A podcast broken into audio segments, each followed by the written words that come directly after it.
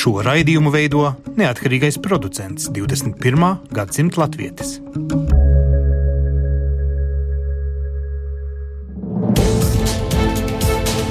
Septiņas dienas Eiropā piedāvā Eiropas radiotīkls Eironet.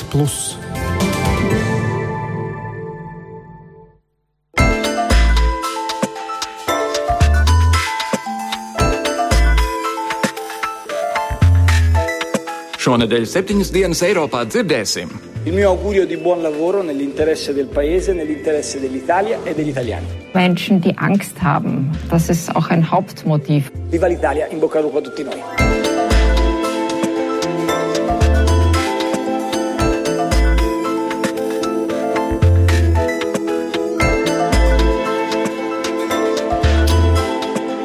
Labdien, godējumie klausītāji! Latvijas radio studijā Kārlis Streips. Esiet sveicināti jaunākajā septiņas dienas Eiropā. Kā dzirdējāt, šonadēļ mēs esam tādi multilingvāli, jo mēs skatīsimies uz notikumiem dažādās valstīs, sākot ar to, ka kopš Brexit balsojuma un arī kopš Donalda Trumpa ievēlēšanas par ASV prezidentu pastāvošās iekārtas pārstāvji ir nobežījušies par pieaugošo atbalstu labējo partiju populismam.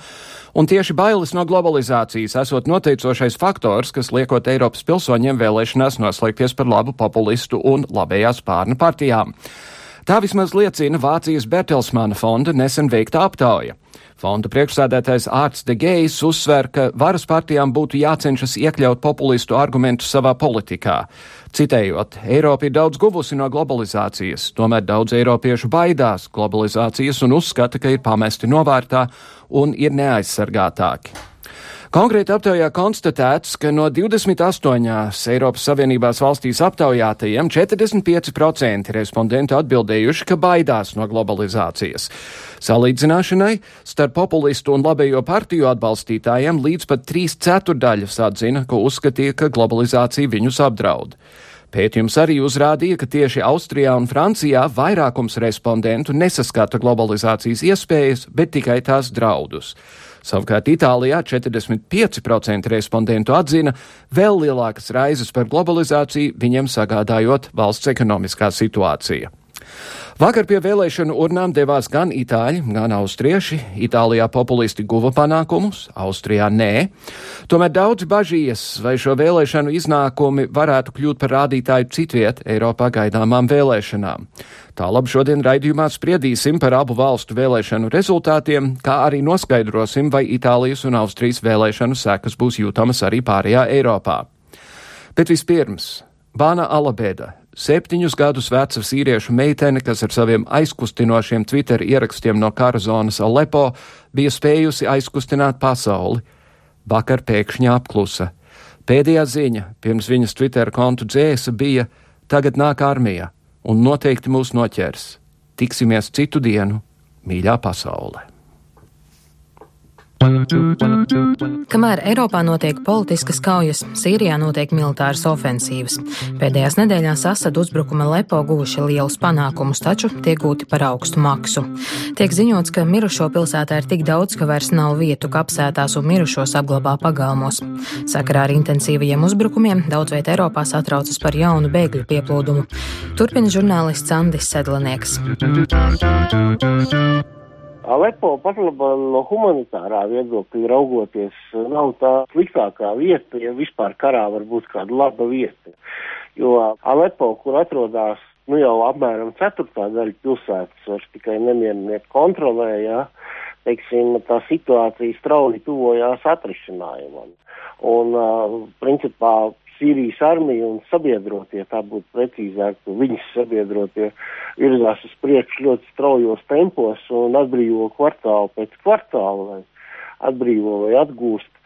Un rezultātā arī šiem iedzīvotājiem, viņiem, es domāju, divu, trīs nedēļu laikā šis karš būs faktiski beidzies.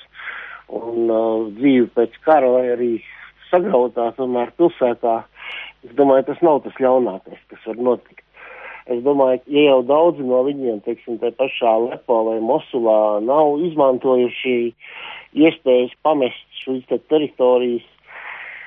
Karš jebkurā gadījumā ir karš, bet tāda kā ļoti masveidīgu plūsmu. Es šajā gadījumā nedomāju, ka būs, ja, jo jau no otras puses skatoties, ja jau tie cilvēki tik ilgi tur ir palikuši, visticamāk, tad viņi ļoti nevēlās šķirties no mājām, lai cik smaga tur arī nebūtu situācija, bet uh, visļaunākais šis bēgļu jautājums varētu rasties uh, tieši no tieši Idlibas gadījumā, jo visticamāk, ka šo provinciju jau drīzā laikā sāksies kaujas par šo provinciju. Pareizāk sakot, uz Idlibu pārceļās pēc vienošanās ar Sīrijas valdību un Krievijas starpniekiem, visi tie nemiernieki kopā ar savām ģimenēm, kas ir svarīgi tieši kopā ar ģimenēm, jā, kuri pēc vienošanās atstāja kādus viņu kontrolē bijušus rajonus vai pilsētas. Piemēram, tikai nu pat šajās dienās uz Idlibu ir izbraukuši tikai vairāk tūkstoši kaujinieku.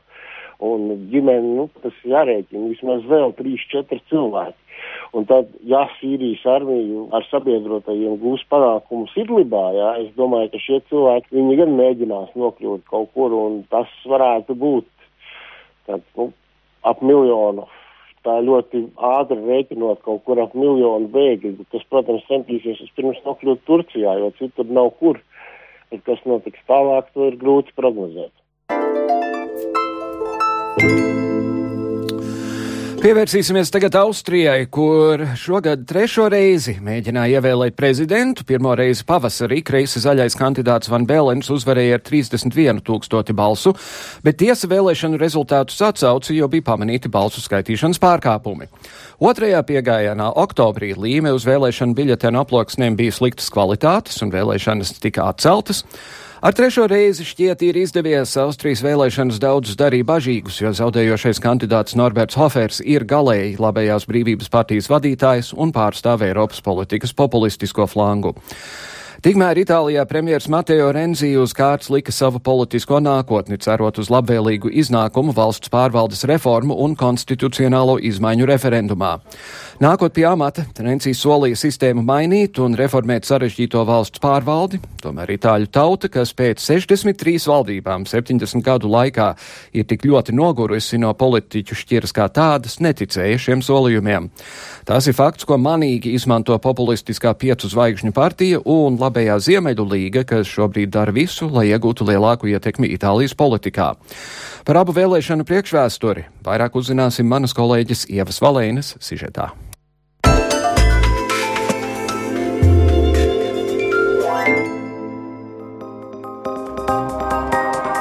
Vakar divās Eiropas Savienības dalībvalstīs notika ļoti būtiski balsojumi. Austrijā notika šogad jau trešais mēģinājums ievēlēt jaunu prezidentu, savukārt Itālija balsoja par izmaiņām konstitūcijā un arī par šī brīža itāļu premjera Rencija nākotni.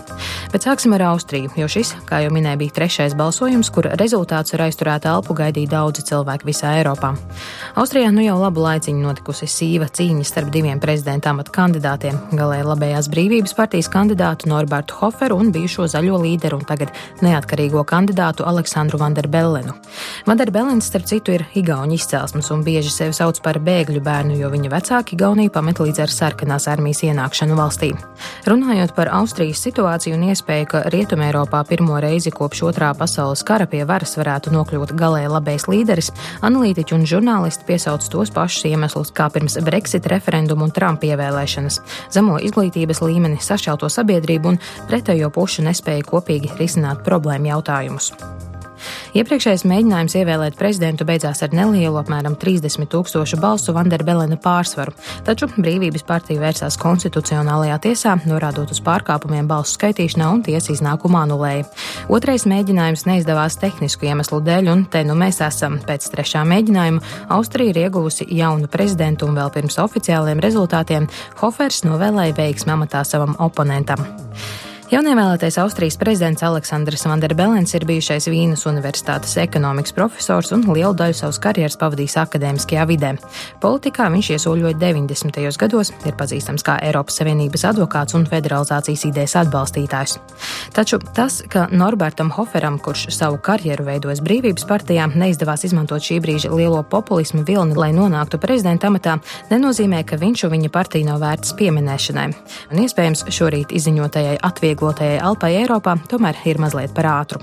Hofera pārstāvētā brīvības partija iebilst imigrācijai, kas ir liels dzinulis tās vēlētājiem, taču, kā Euronews skaidroja laikraksta Der Standard galvenā redaktore Aleksandra Foderla Šmida, tas nav vienīgais, kas saista partijas vēlētājus. Es sind vor allem äh, junge Männer. Das ist ein Phänomen, das zu beobachten ist. Mēs esam novērojuši fenomenu, ka brīvības partiju lielāko tiesu atbalsta jauni vīrieši, arī vecāki cilvēki. Pārsvarā tie, kuri baidās. Tā ir viena no lielākajām motivācijām - bailes no pilnīgas iznīcības.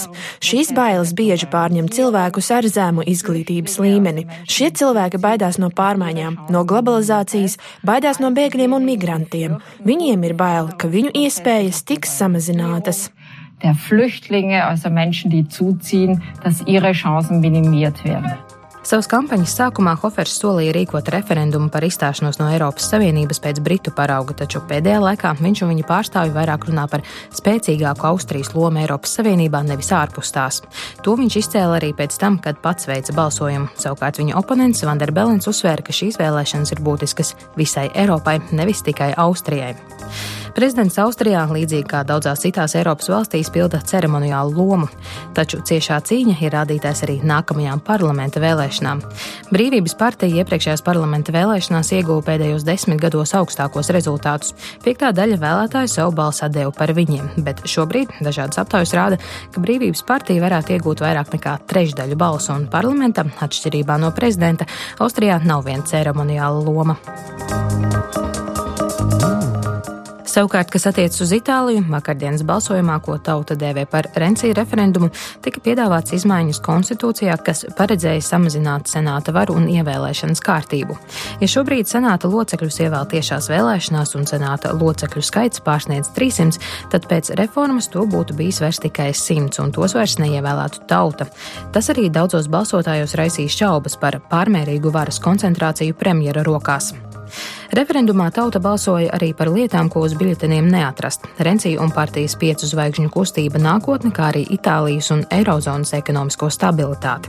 Pirms referenduma Rencija solīja atkāpties no amata, ja Itālijas tauta nobalsos pret izmaiņām konstitūcijā. Kā saka vīrs un vārds, vakarnakt, kad kļuva skaidrs, ka vairums ir nobalsojis pret ierosinātajām izmaiņām, Rencija paziņoja, ka šodien prezidentam iesniegs savu atlūgumu. Il no ha vinto in modo straordinariamente netto. Ai leader del fronte del no le mie congratulazioni. Balsojums pret izmaiņām konstitūcijā ir ļoti pārliecinošs. Es sūtu savus apsveikumus pret kampaņas līderiem. Es ceru, ka viņi strādās mūsu valsts, Itālijas un Itāļu interesēs. Es zaudēju, un es to atzīstu. Par spīti tam, ka man kaklā kamols. Jo gal galā neesmu robots. Es nespēju uzvarēt, bet es lūdzu jums ticēt tam, ka es darīju visu, ko šajā brīdī uzskatīja par iespējamu. Pēcpusdienā sasaukšu ministra kabineta sanāksmi un pateikšos saviem kolēģiem par šo neparasto piedzīvojumu. Šī ir bijusi spēcīga, vienota un kompakta komanda. Pēc tam došos pie prezidenta un iesniegšu demisijas vēstuli. Ilgu mūžu Itālijai un lai mums visiem veicas! Viva l'Italia, in bocca al lupo a tutti noi! Viņa atkāpšanās draudus jau iepriekš ar bailēm uztvēra daudz Eiropā, jo bankas Itālijā šobrīd ir maigi izsakoties nepārāk stabils, un viņa atkāpšanās var izmaksāt ļoti dārgi. Politiko ziņo, ka šobrīd Itālijas bankas ir izdevušas tā dēvētos sliktos kredītus apmēram 360 miljardu vērtībā, tāpēc politiska nestabilitāte var ne tikai sašūpot Itālijas ekonomiku, bet visu eirozonu. Jau rīt agrumā valūtas tirgus bija reaģējis uz pagājušās nakts notikumiem, un eiro vērtība nokritās līdz pēdējo 20 mēnešu zemākajam punktam. Analītiķi brīdina, ka tā var sasniegt arī dolāra vērtību. Un it kā ar to nepietiktu. Rensijas zaudējums referendumā var nozīmēt populistiskās anti-Eiropas Savienības partijas piecu zvaigžņu kustība, kas aicināja itāļus balsot pret izmaiņām konstitūcijā iekļūšanu valdībā. Vakar vēl vakarā piecu zvaigžņu kustības senators Vito Krimī paziņoja, ka viņa partija vēlas jaunas parlamenta vēlēšanas pēc iespējas ātrāk un arī noraida iespēju, ka pēc vēlēšanām varētu veidot koalīciju ar Rensiju pārstāvēto demokrātu partiju. Vēl pavisam nesen šķita neiespējami, ka populistiskā anti-eiropeiskā piecu zvaigžņu kustība kustība, kas šobrīd ir otra populārākā partija Itālijā un vēlas redzēt Itāliju pamatam Eirozonu, varētu iekļūt valdībā, taču Brexit referenduma rezultāts un Trumpa ievēlēšana norāda, ka notikt var jebkas. Interesanti, bet šis ir interesants. Jūs, jūs dzirdat balsis, kuras pat labi apspriež, kāpēc mūsu valstī nav 5% izaugsme, bet tā nav mūsu tēma šodien.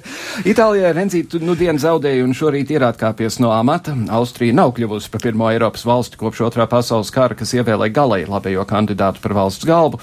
Bet vai šos vēlēšanu rezultātus varam uzskatīt par drošu barometru citām gaidāmajām vēlēšanām, piemēram, Francijā, Vācijā, Nīderlandē un citur? Lai apspriestu svaigākās ziņas no Itālijas un Austrijas un noskaidrotu, ko šie vēlēšanu rezultāti varētu nozīmēt plašākā Eiropas kontekstā, šodien studijā Latvijas ārpolitikas institūta direktora vietnieks Kārlis Bukovskis Labdien, un Latvijas Universitātes asociētais profesors politologs Ojārs Skudra. Labdien. Labdien! Sāksim tādā gadījumā ar, ar Austriju. Tur pa mata tiesu gandrīz izglābās no kaut kā, kas tomēr visai pasaulē būtu licies šķīvi, skatīties uz Austriju. Ojār, kā, kā to vērtēt? Es domāju, ka vērtēt ļoti atturīgi vajadzētu divu iemeslu dēļ.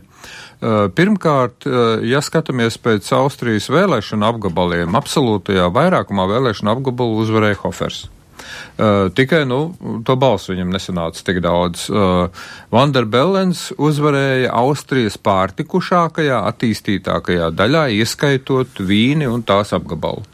Uh, tā tad līdz ar to uh, problēma kā tāda, kas, kas noveda pie populistu panākumiem Itālijā, mm, tur gan, teiksim, tas politiskais un juridiskais konstitucionālais aspekts spēlē lielāku lomu. Uh, nekā, teiksim, imigrācija vai, vai, vai citas tam līdzīgas lietas, kas Austrijā ir šausmīgi svarīgs jautājums iedzīvotājiem. Uh, un uh, otrs faktors, kas, manuprāt, nospēlē izšķirošu lomu tajos pāris procentos par labu Vanderbelenam, ir tas apstākļus, ka viņš pārstāvēja zaļo partiju. Nevis valdību veidojošās tautas partijas un sociāldemokrāta partijas, kuras ir ļoti, ļoti nepopulāras, kā liecina aptaujas. Mm -hmm. Bet vai te ir runa par, par bagātību vai to? Tomēr par to, ka Vīnē, teiksim, cilvēki ir kosmopolītiskāki? Un, un... Nē, jo, jo, teiksim, tās, nu, latviski jāsaka brīvās, kaut gan uh, Austrijas brīvās partijas, uh, kaut gan, uh, nu, būtu laikam literāri pareizāk saukt brīvību mīlošās vai kaut kā tam līdzīgi. Partijas panākumi Vīnē ir ļoti labi. Viņi pagājušajās Austrijas parlamentu vēlēšanās Vīnē saņēma vairāk, nedaudz vairāk kā 30% balsu balss. À. Tā kā tur tas ar to nav saistīts. Skaidrs. Kādu? Uh, jā, šajā gadījumā laikam pirmā, pirmā lieta, kam ko gribētos pieķerties un paturpināt to ar sacīto, ir par to, ka, nu, vai te ir jautājums, vai pārtikušākā bal, valsts daļa atbalstīja, vai kosmopolītiskākā valsts daļa atbalstīja, vai vienkārši jautājums ir par to, ka vai savā veidā mēs, tas, ko mēs redzam visā pat visā pasaulē īstenībā šī modernizācijas procesa, kas ir notikuši sabiedrībā, kas, kuriem iemesls ir gan tehnoloģiskās attīstības, gan arī cilvēku brīvāka pārvietošanās, gan arī ekonomisko attiecību veicināšana un, un cilvēku personīgo attiecību un kontaktu veicināšana, ka rezultātā ir daļa sabiedrības, kas to ir pieņēmusi un kas tam dzīvo līdzi, un ir daļa sabiedrības, kas to nevar. Un šajā gadījumā ir jautājums fundamentāls par to, ka vai mēs varam runāt par tādu lietu kā liberālā inteliģence, kas balso attiecīgi par šīm te, tā saucamajām establishment partijām, un uh, visi citi, kas tai nepiedara. Ka, respektīvi, šajā gadījumā ir jautājums par to, vai šī nepārtikušākie reģioni, vai viņi uzreiz nozīmē, ka viņiem arī tas uh, cilvēku um, kontingents ir pavisam savādāks, ar dažādāku sociālo un ekonomisko statusu un, un, un situāciju, kas viņus atkal liek viņiem izvēlēties kaut ko tādu, līdzšinējā dzīvē, kas nav nodrošinājuši šo saistību ar viņu, viņu izpratnē, šī vēlme paturēt to esošo, paturēt, atgriezties atpakaļ, šī konservatīvā vēlme atgriezties atpakaļ pie kaut kā tāda, ko viņi saprata un kas tā kā viss bija um, dabiski. Nu, savā veidā pat, nu, kā es konsultējos arī ar, ar, ar, ar, ar austriešu kolēģiem šodien, par to, ka, nu, savā veidā noliegt realitāti, noliegt to, ka pasauli ir virzījusies tālāk un ka savā veidā šie cilvēki viņi mēģina apturēt šo procesu, un ir politiķi, kas vienkārši izmanto dažādākos veidus, kā to izdarīt. Bet tādā gadījumā ir arī jautājums par to, uz ko viņi īsti grib atgriezties. Tas pats bija arī Amerikā. Trumps runāja par to, mēs atjaunosim Amerikas varenību, lai gan Amerikas varenībā ne, pilnīgi nekas nekait. Un tad ir jautājums, vai viņi vēlas atgriezties uz 50. gadiem vai, vai, vai uz pirmskara laiku. Vai... Viņi vēlas, viņi principā lielā mērā vēlas atgūt kontroli. Viņiem vajag sajūtu par to, ka procesi nevis vienkārši notiek, un viņi viņos, viņiem ir vai nu jāiesaistās, vai nav jāiesaistās, un tad viņi ir zaudētā lomā, vai viņi grib zināt, ka tomēr viņi var pateikt savu vārdu, viņi var pateikt savu sāpi, ka šajā gadījumā nē, viss man, man pietiek, es nesaprotu, man nepatīk mm -hmm. migrācija, man nepatīk, nezinu, tur kaut kāda liberālo vērtību izplatīšanās visā pasaulē. Man vienkārši tas nepatīk, kāds ieklausieties manī, kāpēc man tas ir jāpieņem. Tas ir mūžīgais arguments, kāpēc man tas jāpieņem, kāpēc man neļauj to skaidri pateikt kaut kādu politkorektuma dēļ vai politkorektums neiet pretrunā ar vārda brīvību pēc savas būtības. Jā. Un te ir parādās ļoti daudz jautājumu, ka vienkārši cilvēki to mēģina pateikt. Un ir politiķi, kas skaidri un gaiši šobrīd eso, esošie, bijušie, topošie margināļi, kas kādreiz ir bijuši, viņi vienkārši ļoti labi izmanto šo te uh, cilvēku nevēlēšanos vai, vai, vai protestu, un šos te protestu balsojumus vienu pēc otra attiecīgi arī uh, ļoti, ļoti, ļoti smuki pēc vienas un tās pašas uh, formulas arī organizē. Mm -hmm. Vai tas ir šī, es atvainojos, vai tas ir šī manī gadījumā konkrēti personificējams tikai un vienīgi uz mūsu uh, moderno Čegevāru, Brexit Čegevāru Farāžu kungu, kurš tā kā ir skaidri un gaiši pateicis, ka viņš veicinās Brexits arī, nu, vai izstāšanos no Eiropas Savienības arī citās valstīs, nu, pēc analoģijas ar Čegevāru. Uh, tad šī gadījumā, nu, tas, tas diez vai ir tikai attiecināms uz viņu, tur tās struktūras un ietekmes. Farāžu diez vai priecāsies par salīdzinājumu ar Čegevāru. Oh, jā. Nē, nu, manuprāt, uh, visas tās problēmas, uh, kuras Kārlis tikko piesauca, viņas turpina pastāvēt Austrijā un turpinās pastāvēt gadiem ilgi. Uh, par to ne, nevajadzētu būt nekādām ilūzijām. Uh, jautājums ir, vai būs pirmstermiņa vēlēšanas, parlamentu vēlēšanas, ko prezidents principā var ierosināt Austrijā, vai viņas notiks kārtējās uh, parlamentu vēlēšanas 18. gadā, tajā pat laikā, kad Latvijā.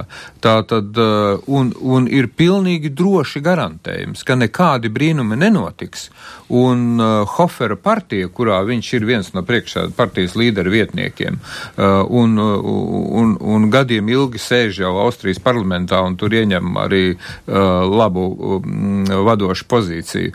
Tā tad uh, šī partija visticamākais būs relatīvais, uh, ne absolūtais, bet relatīvais uzvarētājs nākamajā, nāk, nākamajās parlamentu vēlēšanās Austrijā. Tā kā Tās problēma. Tā, jā, jā, tās problēmas, kas ir saistītas ar migrāciju, ar eirozonu un uh, ar uh, jautājumu par to, vai padziļināt ekonomisko politisko integrāciju eirozonā un varbūt arī visā Eiropas Savienībā, ja katrs ies savu ceļu, uh, visi šie jautājumi Austrijā joprojām ir neatbildēti. No jā. Bet tādā gadījumā. Uh, Eh, ja mēs paskatāmies uz šīs konkrētās partijas vēsturi, kas ir zināmā mērā sakņota nacismu okupācijā, tur viņa viens no pirmajiem līderiem bija nacistu lauksaimniecības ministrs Austrijā, Lepēna partija Francijā, kas savulaik bija ļoti atklāti rasistiska un antisemītiska un ksenofobiska. Abos gadījumos viņi mēģinājuši sevi drusku tā kā uzpucēt, bet kaut kā liekas, ka pēdējā Veiksmīgi. laikā tas, tas nesmukums atkal sāk augt. Gan Amerikā ar Trumpa uzvaru, gan arī ar šī šiem, ar, ar šajām migrācijas diskusijām tā tālāk? Es to gribētu apšaubīt. Eh, es to gribētu ļoti apšaubīt, eh, un, un man liekas, ka mm, nu, pirmais, no, eh, pirmais nopietnais tests būs tas, kas notiks ar Itālijas valdību. Vai būs tehnokrāta valdība, pārējais valdība, pirmstermiņa vēlēšanas nākamgad, un tad uh, Briseles, uh, tātad Eiro komisija staigās tikai uz galvas. Uh, jo, jo būs uh, vēlēšana, prezidenta vēlēšanas Francijā, un, un uh, Lepenas izlaides pagaidām ir labākas nekā konservatīvā izredzes. Tiešām? Tiešām. Mm -hmm. hmm. Uh, jā, nē, nu te, te, te gan es saprotu, ka viedokļi dalās, bet nu, absolūti taisnība īstenībā ir par to, ka mm, skatīsimies, kas te jāapskatās par to, ka varbūt mēs esam nedaudz sacēluši bišķi par, par, par, par lielu vētru situācijā, kad viņas tā kā īsti līdz galam nav ceļš attiecībā uz Itāliju. Jo, nu, sāksim ar to, ka, nu, pat te jau ir tāda situācija, ka pirmkārt tas bija zināms, ka nu, viens no scenārijiem ir, ka tā kā premjerministrs Renci iet projām, un te jau šodien jau ir skaidra un gaiša ziņa par to, ka Padovans visticamākais uh, finanšu ministrs esošais, uh, kurš ir ļoti pro-eiropeisks un, un par Eiropas integrāciju nāks tā kā viņa vietā visticamākais prezidents vēl joprojām ir savā vietā, viņam būs lēmumi, kas jāpieņem, parlaments ir savā vietā, viena no valdībām nomainījusies, un kā tur bija tikko sižetā pirms raidījuma 63 valdības kopš 48. gada, nu tad attiecīgi cits saka 65. Būs Cik saka 65? Jā, nu jā, tieši tā. Nu, tad rezultātā tas savā veidā ir, ir kaut kāda daļa no Itālijas uh, parlamentārās darbības procesa, ko varētu būt, ka pat savā veidā Rencija arī paredzēja un tāpēc lika šo te uh, uz, uz, uz kārts.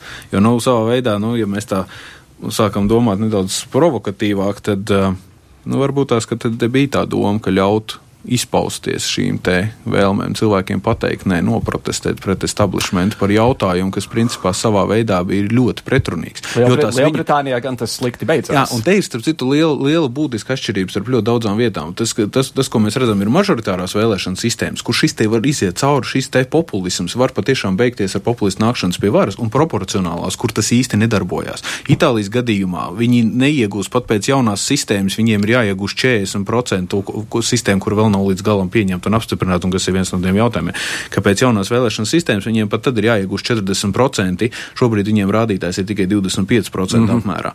Um, tas, un, un ļoti daudzās citās valstīs, kur ir proporcionālās vēlēšanas, šī te absolūtais vairākums iegūts ir ļoti grūti. Lielbritānijā bija mažoritārais balsojums, jā, nē. Itālijā tikko bija mažoritārais balsojums par to, ka jā, nē. Tieši tas pats bija Austrijā. Arī divi varianti, divi kandidāti, vai nu viens, vai nu otrs. Tieši tas pats Amerikā, divi kandidāti, vai nu viens vai no otrs. Un tādā mirklī te jau vienkārši no sistēmiskā viedokļa, tev ir mažoritārās vēlēšanas, šis populisms viņam ir daudz lielāks iespējas iegūt šo te uh, uzvaru nekā tas ir proporcionāls. Jo proporcionāls beig beigās koalīcijas valdībā, nu, Itālijā, nu, pieņemsim, nu, sliktākais scenārijs.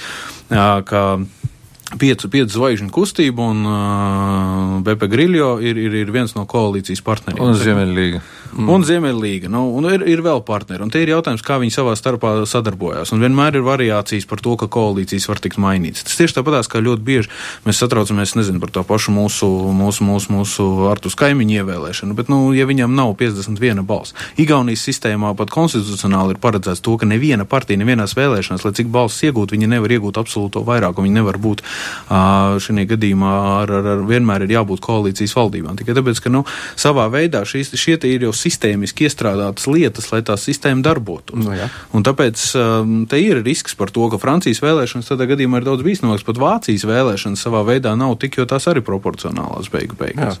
Starp citu, ir Īslandē tagad uh, veidot valdību ir iz, uzdots Pirātu partijai. Mm. Tas, tas arī pats par sevi. Bet to jau par Vāciju. Uh, Vācijā tie, tie radikāļi šķiet nav gluži tik spēcīgi, kā viņi ir, ir dažās citās vietās. Vācijā, atšķirībā teiksim, no, no, no Itālijas un Francijas, eh, ir tā, nu, teiksim, konservatīvajiem liberāliem spēkiem tā lielā uh, laime vai priekšrocība, ka ir uh, galēji kreisais spārns tā dēvētajā kreisajā partijā, un sociāldemokrāti ar to mērenāko daļu ir gatavi spriest par kopīgu valdību iesaistot zaļos, un, un pagaidām visas pazīmes liecina, ka ir ļoti iespējams, ka tieši tāda alternatīva arī tiks veidot. Kristīgie demokrāti kopā ar liberāļiem, kuri atkal varētu būt pārstāvēti Bundestagā, tātad, un alternatīva Vācija Vācijai kā galēji labējais spārns. Viņiem ir galēji labējie un galēji kreisie populisti. Populisti ir sašķelti. Mm -hmm. Politiski sašķelti, kas ir Vācijas priekšrocība un viens no uh, iespējamiem stabilitātes avotiem. Un mātei Angelai izdosies uh, turpināt? Mātei Angelai uh, visticamākais uh, izdosies. Šonadēļ lielā mērā šis jautājums tiks atrisināts pilnīgi oficiāli. Mm, tā tad, un, Kāda, kādā nozīmē? Tādā nozīmē, ka mm, tā tad viņa pateica, ka partija ir jāapstiprina viņu kā partijas līderi mm -hmm. kristīgiem demokrātiem, un viņa saistīja šo ievēlēšanu par partijas līderi ar, ar kanclera amata pretendenta lomu vēlēšanās. Mm -hmm. nu, līdz ar to tas jautājums praktiski ir izšķirts. Tur, kā saka, visi pārējie ir nogājuši no, no, no trases, un, un, un tagad jau ļoti intensīvi tiek apspriests jautājums par to, vai Merkele, teiksim, 2019. gadā, kad būs termiņa puse pagājusi, nodot nodot stafeti mm -hmm. citam uh, pagaidām nezināmam. Jā, pagaidām nezināmam. Nu, aizsardzības ministra Vanderleina tiek uzskatīta par vienu no favorītēm. Mm -hmm. Kārli, kā, kā Latvijā vajadzētu šo lietu skatīties? Jo mums arī ir pietiekami daudz cilvēku, kuri vismaz apgalvo, ka viņi necieš globālismu un visu, kas tur ir, ir noticis. Bet kas mums ir pozitīvāk? Tas, ka brūk Eiropas Savienība vai tas, ka tomēr mēģina glābt Eiropas Savienību? Nu, no mūsu viedokļa, protams, ka šī Eiropas Savienības saglabāšana un drošības, um, ekonomiskās vides un, un, un, un, un, un sabiedrības, sabiedrības vērtība jautājums lielā mērā. Ja mēs tā paskatāmies, nu, bieži vien šie paši cilvēki, saka, ka Eiropas Savienība ir slikta un tā tālāk. Nu, tad bieži vien nu, jā, uzspiež šo un uzspiež to. Un tad, ja mēs tā paskatāmies uh, uz to no tāda nu, tīra cilvēciskā elementa viedokļa, nu, te ir jautājums par to, ka vai tas, kas tiek uzspiests, vai patiešām reāli padara mūsu dzīves labākas, vai mums tiek uzspiests standarti, kas īstenībā mūsu pašu sadzīvi bieži vien padara daudz, daudz kvalitatīvāku un tādu, kādu mēs varbūt tās esam gribējuši, nu, kad, tad, kad mēs at, atdalījāmies no Padomju Savienības. Ceļu tad uzbūvēja, ūdens sistēmu attīrīja. Nē, nu, tad, Bet tur jau traucē atmazgāt atmazgāt naudu Latvijā. Lūk, Jā. un tad ir, ne, bet tas jau ir pavisam cits jautājums. Nē, tas ir tas pats jautājums. Nē, tas ir jautājums, kur, kuram traucē, kuram netraucē. Te ir jautājums par tiem cilvēkiem, kas argumentē par to, ka Eiropas Savienība ir slikta. Un principā, nu, viena lieta, ka vainot, meklēt kādu, kas pie kā ir vainīgs vai pie visa ir vainīgs, un šajā gadījumā atrast, ka tā, tā Eiropas Savienība, ka tā ir tā vainīgā, vai atrast kādu uh, etnisko grupu, kas ir pie visa vainīgā, tā ir pilnīgi normāla un, diemžēl, dabiska parādība. Bet no otras puses, no otras puses, te ir jautājums jautājums par to, kā, kādā veidā uh, mēs šo te sabiedrības daļu, kas vienmēr ir ap 10, 10, 15%, agrāk viņi negāja balsot, tagad viņi mobilizējās, tāpēc, ir politiķi, kas viņus mobilizē. Tā sabiedrības grupa, kas bija šaubīgā, tagad ir pieaugusi lielāka. Nu, principā tas ir, tas ir tas, kā viņi ir uzbūvējusies, un kas šobrīd ir, ir, ir cilvēki, kas agrāk neko neteica un klusībā pieciet un vienkārši dusmojās virtuvē. Tie šobrīd redz politiķus, kas spēj pateikt to, ko viņi domā, mm -hmm. ka viss ir slikti ka viņiem, kā citējot vienu otru establishmentu partiju, viņiem besīja laukā šī valsts. Nu, tad rezultātā veidojās šī situācija, ka a, tā mobilizācija notikusies, un Latvijas gadījumā arī. Te vienīgais, ka nu, līdzīgi kā ar Itālijas gadījumu, ka ir jautājumi, pa kuriem īsti nespēlējās. Nu, tāpat Eiropas Savienība, nu, tur tikai 15% Itālijā ir gatava vispār uh, no Eiropas Savienības stāties ārā, un arī lielākais vairākums atbalsta to pašu Eirozonu. Latvijas gadījumā tie cipari ir ļoti, ļoti līdzīgi. Un te ir jautājums par to, ka tomēr kaut kāds cilvēkiem apziņa par to, ka tas nezināmais ir, ir, ir bīstams un viņš, ir, viņš var būt pilnīgi un galīgi graujošs viņu personīgajām dzīvēm. Tas tomēr racionālais grauds šajā gadījumā ir. Tie ir jautājums par to, kurš politiķis patīk vai nu pēc frizūras vai pēc izteiksmes veida, bet tik ilgi, kamēr šī demokrātiskā sistēma un kamēr tie fundamentālie jautājumi, kurus mēs, kuri mēs visi apzināmies, ka mūsu dzīve tieši tiek no viņiem ir atkarīga un ietekmēta, tik ilgi, kamēr mēs tos saglabājam, tik ilgi jau mēs principā, nu, tāpēc šis ir demokrātiskais process, mm -hmm. ka tas ir savā veidā tirgus. Tev nepatīk viens, viens produkts, tu izvēlēsies citu produktu. Šobrīd vienkārši kliedzošāk. Bet kas produkts. ir mainījies tagad? Un tas, tas tā bija gan Brexitā, gan arī Amerikas vēlēšanās. Fakti un patiesība vairs nav nozīmīgi. Trumpu ievēlēja par spīti tam, ka viņš meloja par pilnīgi visu pēc kārtas. Brexits notika par spīti tam, ka bija skaidrs zināms, ka tas solījums, ka 350 miljoni poundu nedēļā atgriezīsies atpakaļ, ir pilnīgs absolūts fufelis. Ja cilvēki ir gatavi pieņemt klājus, atklātus melus, tad par ko mēs vispār runājam tagad?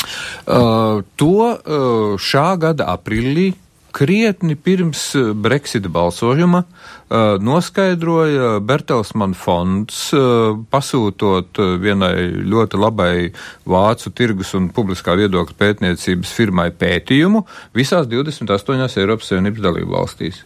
Uh, šajā pētījumā viņi citu starpā noskaidroja, ka 45% no tiem tolaik 53% Lielbritānijas vēlētāju, kuri gatavojās balsot par izstāšanos no Eiropas Savienības, ka 45%, ka 45 no šiem uh, par izstāšanos balsotājiem uh, ekonomiskie argumenti nebija galvenie.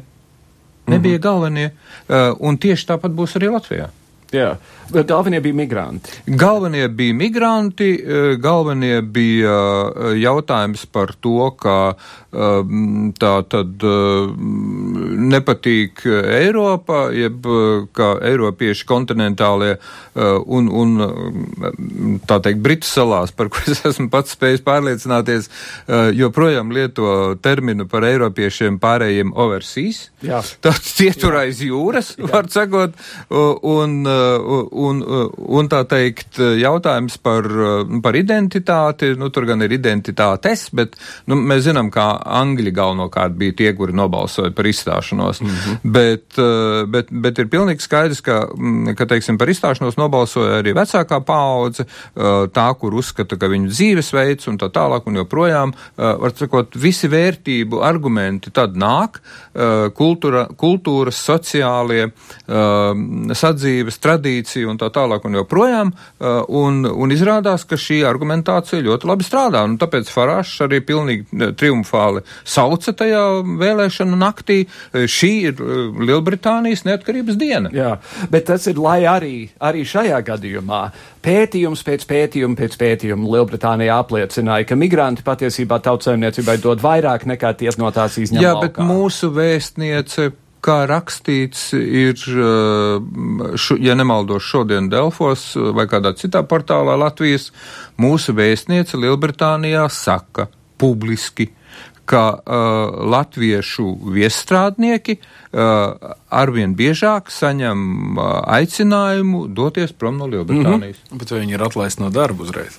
Nē, nē, nē, bet nu, šādu tā teikt, kā, kā angļi saka, blackmailing un, vai mobbing, nu, ilgi cilvēks nevar izturēt. Tieši tā, un tas pats notiek arī Amerikā. Musulmaņi, tumšādaini cilvēki, tagad dabūn dzirdēt, tagad mums ir prezidents, kas ļaus tevi nogalināt. Tas ir tas nesmukums, par ko es, mm. par ko ko es saku, kas tagad burbuļo augšā, tā kā kaut kāda smirdīga putra. Uh, pēdējais jautājums, ko mēs varam gaidīt Trumpa pasaulē? Jo, piemēram, pagājušajā piekdienā viņš kājām apgājis gaisā 40 gadus pastāvošo Amerikas politiku attiecībā uz Ķīnu un Taivānu, sarunājoties ar Taivānas premjerministri.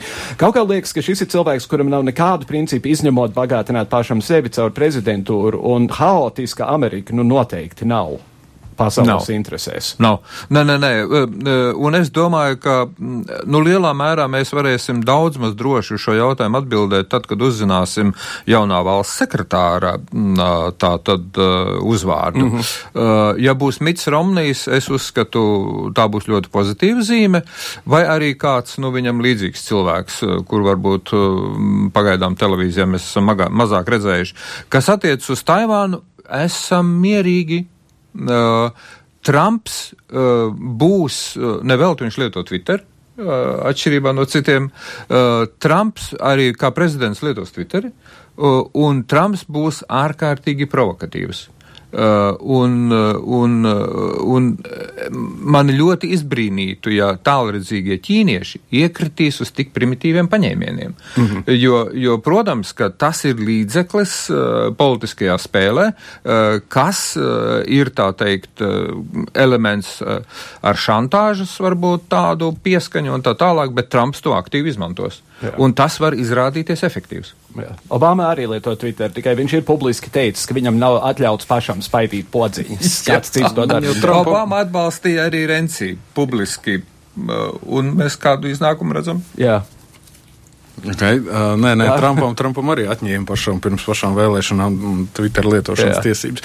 Bet um, nē, nu tas, ka, tas, ka, tas, ka Trumpa politika līdz šim, bet, nu, atkal vēl joprojām viņ, viņam nav reāls varas. Viņš vienīgais, ko tagad ir sācis saprast, ir tas, ka, nu, tomēr viņa vārdiem ir kaut kāda nozīme un ka tas atstāja iespaidu līdz Tajā skaitā es atvainojos, viņš ir konkrēti atteicies no nacionālais drošības brīfingiem, kas viņam pienākās pēc statusa, kas arī kaut ko pasaka par to, kas šis cilvēks ir. Viņš, ne, viņš neinteresējās par to darbu. Jā.